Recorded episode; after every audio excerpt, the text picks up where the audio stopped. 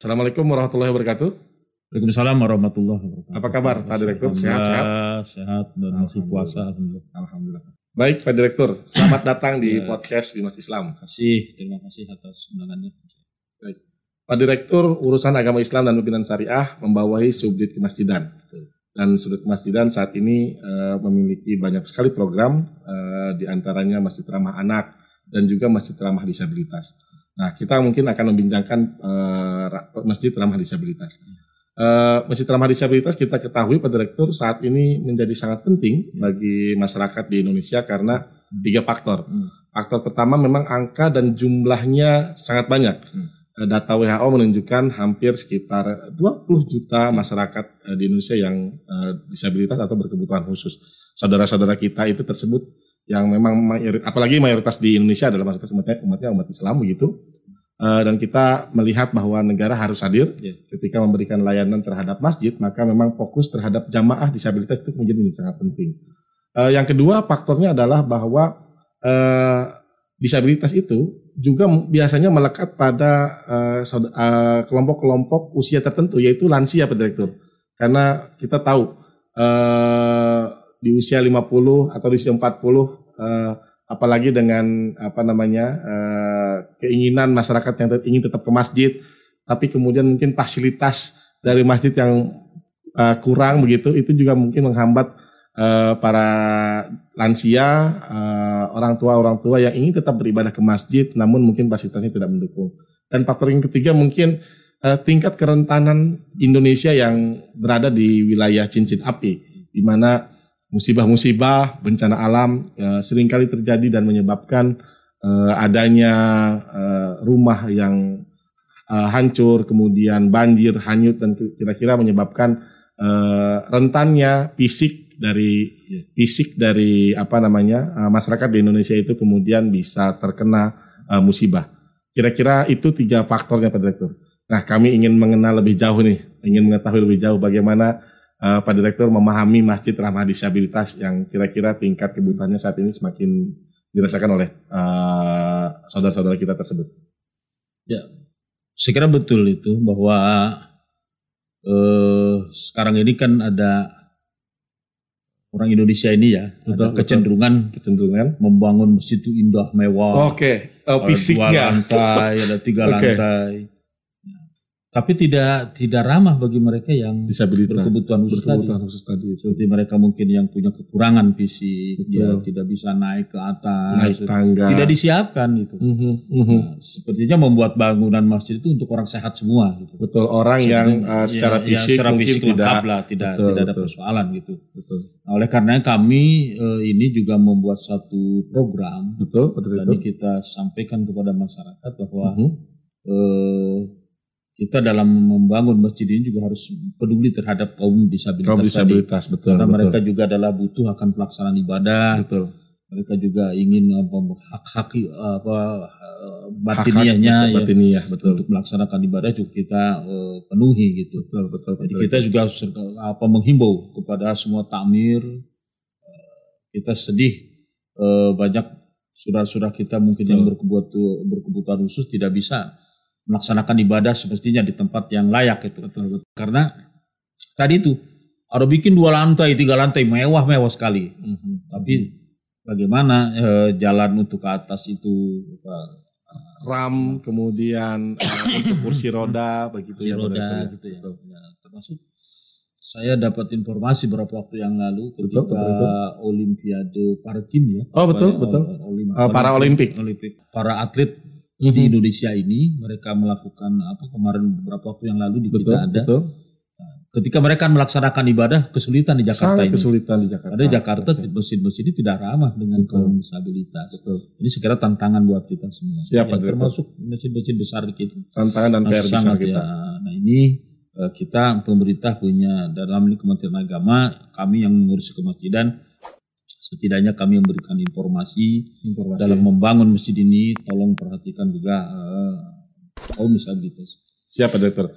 Undang-undang eh, sebagai apa namanya payung hukum yang kemudian menjadi apa namanya amanat Hmm. eh, kehadiran negara kalau tidak salah adalah Undang-Undang Nomor 8 Tahun 2016 Iya. tentang disabilitas.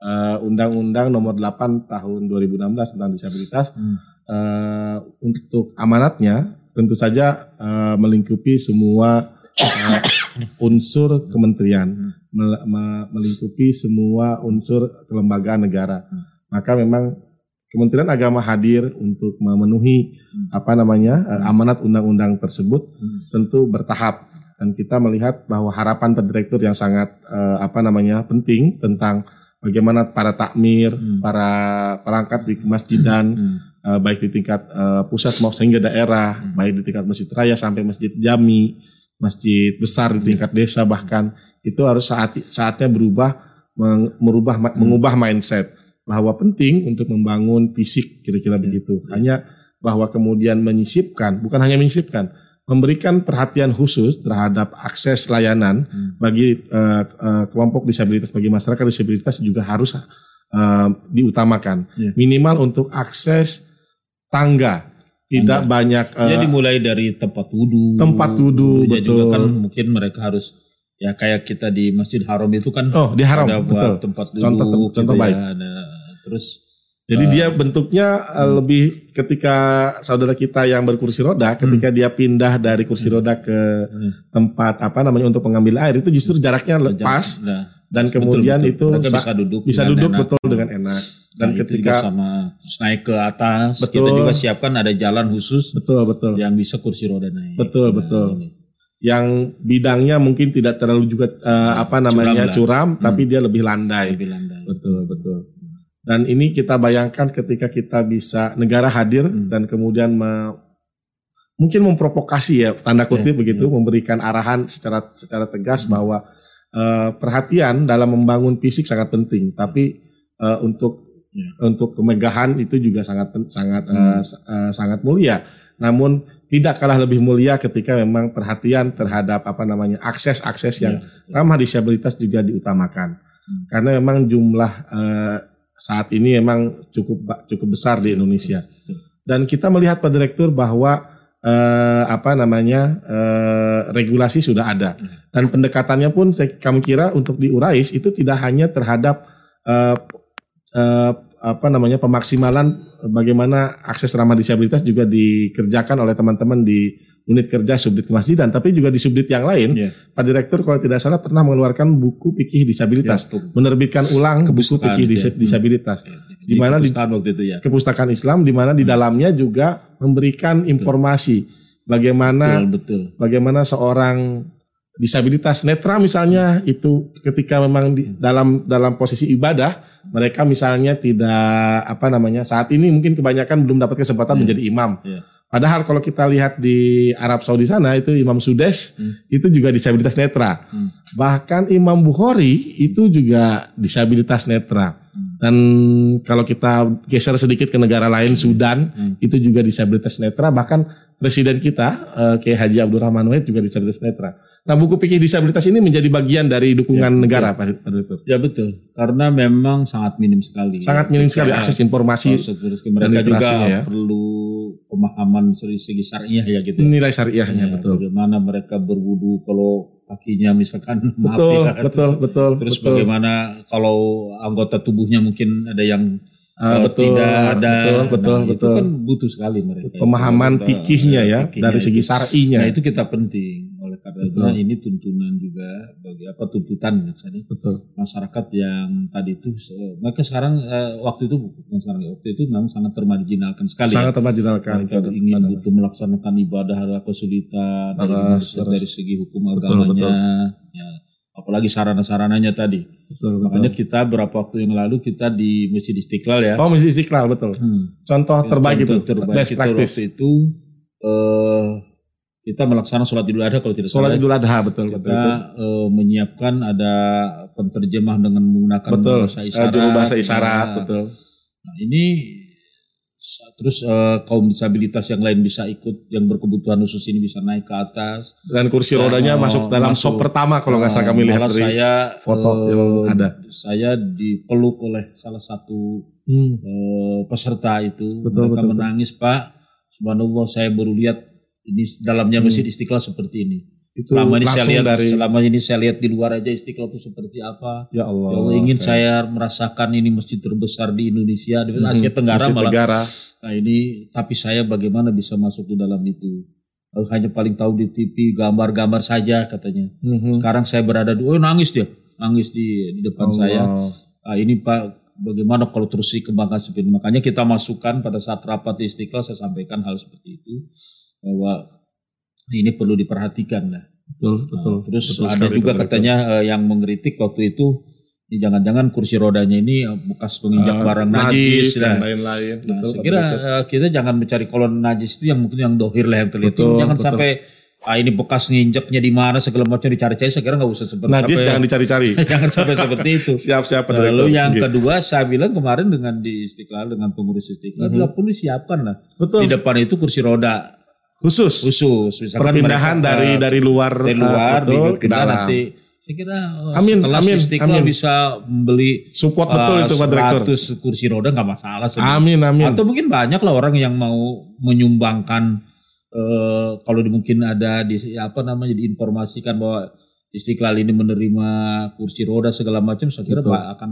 akan banyak yang mau membantu. Amin amin. Nah, saya kira ini penting lah gitu. Jadi kalau memang itu dianggap dilakukan seperti itu ya kita Mhm. siapkan lah yang lainnya. Nah ini eh, buat kita ini eh, Daum Disabilitas adalah mereka saudara kita, mereka Betul. ingin melaksanakan ibadah mungkin lebih khusyuk dibandingkan kita gitu. Nah ini perlu difasilitasi dengan baik nih. betul Nah betul. ini saya berharap kepada seluruh masjid-masjid di Indonesia tadi itu membangun masjid, memperindah masjid, mempercantik Membangun, masjid, bagus lah memperindah, itu membangun. silakan saja. Tapi juga diperhatikan bagaimana kaum disabilitas bisa menikmati masjid itu. Siapa Direktur? Kalau contohnya di Jakarta kalau tidak salah selain Istiqlal sudah memulai Ciganjur ya, Dan? Ciganjur Ya, saya Jakarta itu Hmm. LSIPA mungkin bisa kita jadikan sebagai sampling ya, Pak silakan, Direktur ya. silakan nanti. Dan hampir semua sekarang termasuk Alamjad sudah. Oh alhamdulillah. Oh Alamjad sebagai kita ada- pengurus di ah, sana. ya, alhamdulillah kita Direktur. bisa- artinya ada dari bawah ke atas itu ada Sudah ada akses yang memudahkan. Jalan itu. Juga mungkin yang paling sederhana mungkin kursi-kursi. Ya gitu yang ya kursi-kursi ini Kursi-kursi saya kira kecil yang perlu, mungkin ya, bisa di- ya, di difasilitasi. Saudi itu kan di Arab. Betul. Wow, terima kasih Nah, ini- sekali Pak Direktur. Ya, ini ya. sangat luar biasa karena negara hadir dengan betul-betul wajah yang ramah. Bahkan nilai-nilai kemanusiaan kemudian muncul dan kemudian mengemuka dan akhirnya menjadi apa namanya eh, contoh terbaik bagi masyarakat di kita bahwa ternyata ibadah saat ini khususnya di masjid itu tidak eh, memang sangat sifatnya sangat terbuka. Iya, betul. Dia tidak terbatas oleh masyarakat saja Iya, yang iya. di level-level Betul betul. ekonomi tertentu. Kemudian Iya. ternyata dari segi keterbatasan fisik, Hmm. eh, teman-teman atau saudara-saudara disabilitas yang berkebutuhan khusus Ya, juga betul, sangat betul. berkepentingan Sangat berkepentingan. eh, menerima hak layanan ibadah Iya, di betul, masjid. Betul, betul, saya kira itu. Demikian. Eh, harapan saya seperti itu. Baik, terima kasih. Semua masjid-masjid yang ada di Amin. Indonesia. Amin. Kita dukung terus Pak Direktur. Amin. Siap. Semangat terus Pak. Direktur. Masih terus.